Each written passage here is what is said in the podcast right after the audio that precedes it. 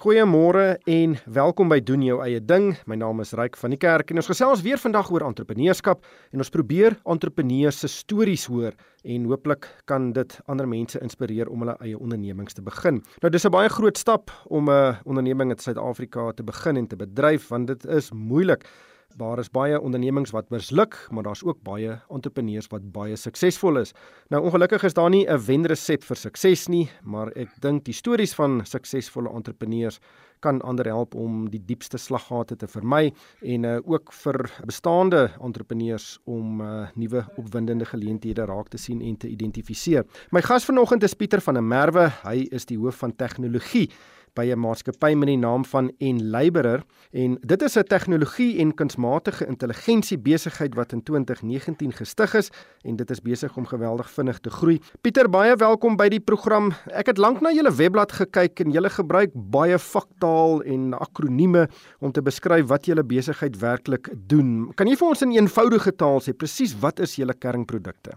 Om dit regtig te simplifiseer, wat ons doen is ons speel primêr in die data-annotasie spasie. Wanneer dit kom by rekenaarvisie, die rekenaarprogramme kan nie sien soos wat ons sien nie. So hulle het mense basies nodig om daai begin deelte van die werk te doen om voorwerpe te identifiseer en te klassifiseer sodat hulle in die toekoms dit self kan doen. Kan jy vir ons 'n voorbeeld gee? Die maklikste voorbeeld maar is hierdie 'n kat of is hierdie 'n hond en dan hardloop jy daai scenario met 10000 fotos en as almal sê dis 'n kat dan is die algemene aanvaarding dat dit 'n kat is. En hoe sal dit nou in 'n besigheidstoepassing werk? Wel, dit hang af wat die industrie is. As jy byvoorbeeld kyk na iets soos mynbou waar daar 'n groot fokus is op veiligheid en die toestand of toestandhouding van jou toerusting, dan as jy inspeksiemodelle kan gebruik om voor die tyd byvoorbeeld gebreekte toerusting of goeder soos dit kan identifiseer, kan jy vir jouself 'n klomp geld spaar in die toekoms as jy dit vroeg kan optel. Dit sal byvoorbeeld een scenario wees. Ander kan wees in agritech is daar klomp maniere om voorkomstige maatreëls te, te implementeer wat jy kan ook aan die einde van die dag vir jou geld kan spaar. So dis tipies van 'n kamera wat kyk na as ons die landbou voorbeeld gebruik na 'n boom en dan kan hy iets proaktief raak sien dat daar iets fout is met die boom en as jy dan byvoorbeeld kunsmis bysit, dan kan daai boom beter produseer. Ja, of as jy dit kan vroeg 'n siekte optel, dit kan jou baie baie baie moeite en pyn spaar want siektes is gewoonlik iets wat vanaf een boom na 'n ander boom toe versprei en dan kan jou hele jou hele oes daarmee heen wees as jy dit te laat vang. Maar vertel vir ons die storie van En Laborer. Ek weet dit het in 2019 begin, maar hoe dit begin en en wanneer het julle nou besef en gedink luister hierdie besigheid kan baie baie suksesvol wees? So ons het begin met 'n vernoot maatskappy, um Cape AI wat hulle hoof fokus is maar om AI as 'n konsultasie as dienste te aan te bied. En die grootste probleem wat hulle altyd gevind het is dat hulle kliënte het nooit genoeg data nie en die data wat hulle het is nie skoon nie. So dit is die eerste dis die eerste hekkie waar jy moet oorkom as jy met data dienste speel. So daar tot 'n geleentheid gesien in die internasionale mark om Suid-Afrika in te bring as 'n speler in data dienste. En ek dink wat Enabler nogals uniek maak is dat dit ons dit is ons sosiale missie om jeugwerkloosheid aan te spreek. En hoe doen julle dit?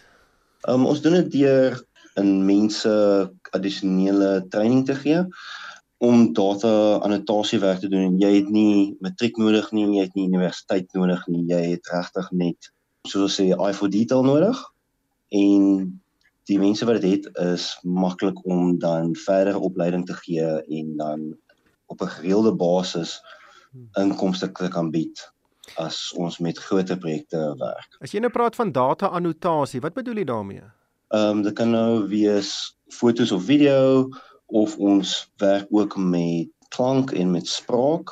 Ons het kliënte wat in daai media ook geïnteresseerd is om van dit geannoteer te kry. So annotasie beteken basieslik sit 'n woord neer met wat hierdie foto of hierdie stuk klank vir jou beteken. So in die konteks van julle werkskepings ambisie is iemand sit en dan lees hulle en gee beskrywings van sekere dinge wat jy vir hulle wys en dit gaan in 'n database in en dan word dit seker verder ontleed. Ja, 100%. So gewoonlik daai data word dan aangestuur na datawetenskaplikes toe en hulle dan vat dit dan verder en gebruik dit soos hoe ook al hulle wil toepas. Nou dit klink baie baie tegnies, maar die groot uitdaging vir omtrent alle tegniese of tegnologie of uh, enige ander maatskappy in daardie bedryf is mens ding internasionaal mee. Dis nie net plaaslike mededingers nie. Jy kan met van die grootste spelers in Amerika meeding. En as 'n klein onderneming in Suid-Afrika, hoe, hoe ding julle mee en hoe mededingend is die mark waarin julle speel? Die mark is maar moeilik, soos altyd, daar's altyd kompetisie, maar die ek, ek sal sê die voordeel wat Suid-Afrika lewer is dat die die rand dollar is in ons guns, veral wat ons internasionale kliënte het. En ons soswerk hmm. is nie is ook nie so erg duur nie. Ons probeer soveel as moontlik van die geld wat ons maak weer terugsit in die mense wat die werk doen se sak. So ons besigheidsmodel is net so so gegeer om soveel as moontlik impak te hê. En waar is die meeste van julle kliënte buite Suid-Afrika? Ek sal sê dis maar 'n uh, mengsel so 50-50. Ons het internasionale kliënte, maar ons het ook groot mense wat in die land is. Kom ons gaan terug na die groei traject van Enlaberer. Wanneer het julle besef, luister, hier is 'n mark vir wat ons doen, ons produk is anders as ander maatskappye sin, hier is 'n besigheid. Wanneer het julle daai besef gehad? Ek weet seker maar seker maar in die begin. Die ding is ons probeer ons doen nie net een tipe data annotasie nie. Daar's daar's 'n hele paar maatskappye daar buite wat net fokus op rekenaarvisie of hulle fokus net op transcriptions of net op vertaling, maar ons probeer so iets van alles doen want ons het gevind dat om in die mark in Suid-Afrika so klein is, het ons kliënte met klomp verskillende uh benodighede en dan probeer ons maar almal dien so bes wat ons kan. Ek gesels met Pieter van der Merwe. Hy is die hoof van tegnologie by 'n maatskappy met die naam Enliberer en uh, dit is 'n uh, tegnologie en kunsmatige intelligensie besigheid wat in 2019 gestig is en is besig om werklik sy merk in daardie bedryf te maak. Kom ons gesels oor die naam Enliberer. Waar kom die naam vandaan? Wel, dis maar 'n mengsel van enable en van label. So uh, ons probeer ons mense enable om 'n uh, stabiele inkomste te kry en die werk wil doen ons labeling. So ag ek dink is nog ons 'n heel interessante plan. Ja, nee, hy rol nogal van die van die tong af. Hoeveel mense werk uh, by Enlabeler? Ons span van ons labelers, dit, hang af hoeveel projekte ons het op op enige slag, maar is gewoonlik so tussen 30 en 50 mense. Projekbestuurders is ons so tussen 4 en 5 in ons data wetenskapspan het ons 3 en van ons programmeerders het ons 4. So dit is nog maar klein en eh, maar ek neem aan julle groei vinnig, maar ek wil ook gesels op hoe julle gefinansier is want julle het onlangs het julle 'n belegging deur 'n waagkapitaalfonds ontvang en hierdie waagkapitaalfonds is gewoonlik 'n groep mense wat oor oor kapitaal besit en dan gaan soek hulle na die interessantste en die beste idees wat hulle kan kry en dan belê hulle in daai maatskappye vir 'n paar jaar en dan klim hulle later weer uit, maar hulle glo werklik in dat hierdie maatskappy suksesvol gaan wees. Is dit die eerste ronde van waagkapitaalfinansiering wat julle nou gekry het? Ehm um, nee, ons is nou tans in ons tweede ronde. En ja, dis nog 'n groter ge ek wil sê insetting wat ons gekry het van ons ehm um, investors af. Hmm. Wat dit vir ons beteken is dat dit ons dit gee ons die spasie om die regte mense aan te stel om ons te help om ons tegnologie tegnologie te groei en om help om ons projekte en van ons ander finansiële areas beter te implementeer. Hoe is die besigheid op dag 1 gefinansier want ek neem aan die waagkapitaal het eers later gekom. Ja, so van dag 1 af was dit dit is maar 'n verhouding tussen 'n paar vennote en dit is van hulle kapitaal wat op die tafel is. En toe later toe jy nog geld nodig gehad het, het jy die waagkapitaalroete gevolg. Maar daar's hele klomp maniere om 'n besigheid te finansier. Mens kan geld gaan leen by 'n bank, mens kan gaan geld uh, leen by ander ontwikkelingsorganisasies. Uh, uh, mense kan gaan noteer, maar het die waagkapitaalroete gevolg. Hoekom?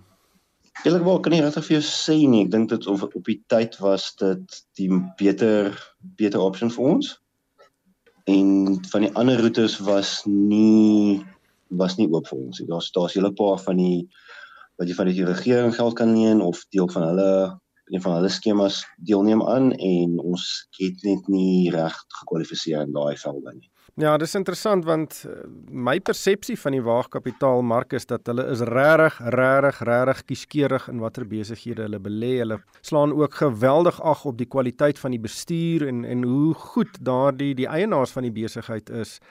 En in ruil daarvoor is dit eh, in aanhalingstekens goedkoop finansiering en dan is baie keer is van hierdie uh, waagkapitaalmense ook aktief betrokke om te help met die bestuur van die van die besigheid om seker te maak dit is suksesvol. Maar jy het nou geluid gemaak toe ek sê dit is relatief goedkoop. Uh, stem jy nie met my saam nie? Nee nee, ek stem 100% mee saam. Ek bedoel die die voordeel vir hulle is na 'n aantal jare dan kan hulle basieslik soveel mense amper wil sê uitcash of hulle kan aanhou hou aan hulle gedeelte van die maatskappy en in verder winste vat. Dit is gewoonlik die die roete wat hulle volg. Hulle neem 'n aandele belang in die besigheid en dan as hy nou gegroei het, en soms dramaties gegroei het dan verkoop hulle die belang dan later. En dit kan soms 'n bietjie duur wees vir die bestuur wat baie keer dan daardie belang terugkoop teen 'n baie groter bedrag of dit word genoteer en dis meer. Maar dit is seker nogal dit vat aan jou as jy 'n deel van jou besigheid of 'n belang in jou besigheid met verkoop aan 'n waagkapitaalfonds.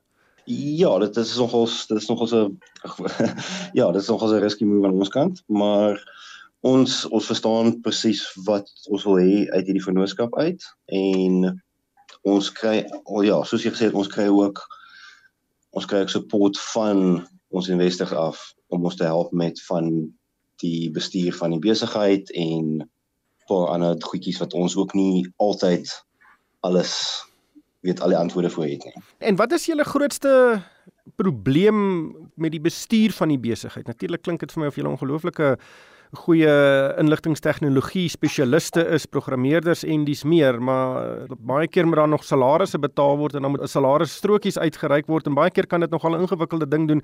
En ek noem nou net dit is 'n voorbeeld van bestuursuitdagings wat baie entrepreneurs 'n bietjie pootjie, maar wat is die bestuursaspek waarmee julle die meeste aan die begin gesukkel het? Bestuur aan die begin, soos jy sê, ons betalings is nogal so 'n bietjie van 'n hoofpyn. Um, ons probeer ons mense so gereeld as moontlik betaal, so ons 'n klomp admin wat aan daai kant van die van die besigheid gebeur. Maar dit is niks wat jy nie met tegnologie kan op of kan opbring nie. Mhm.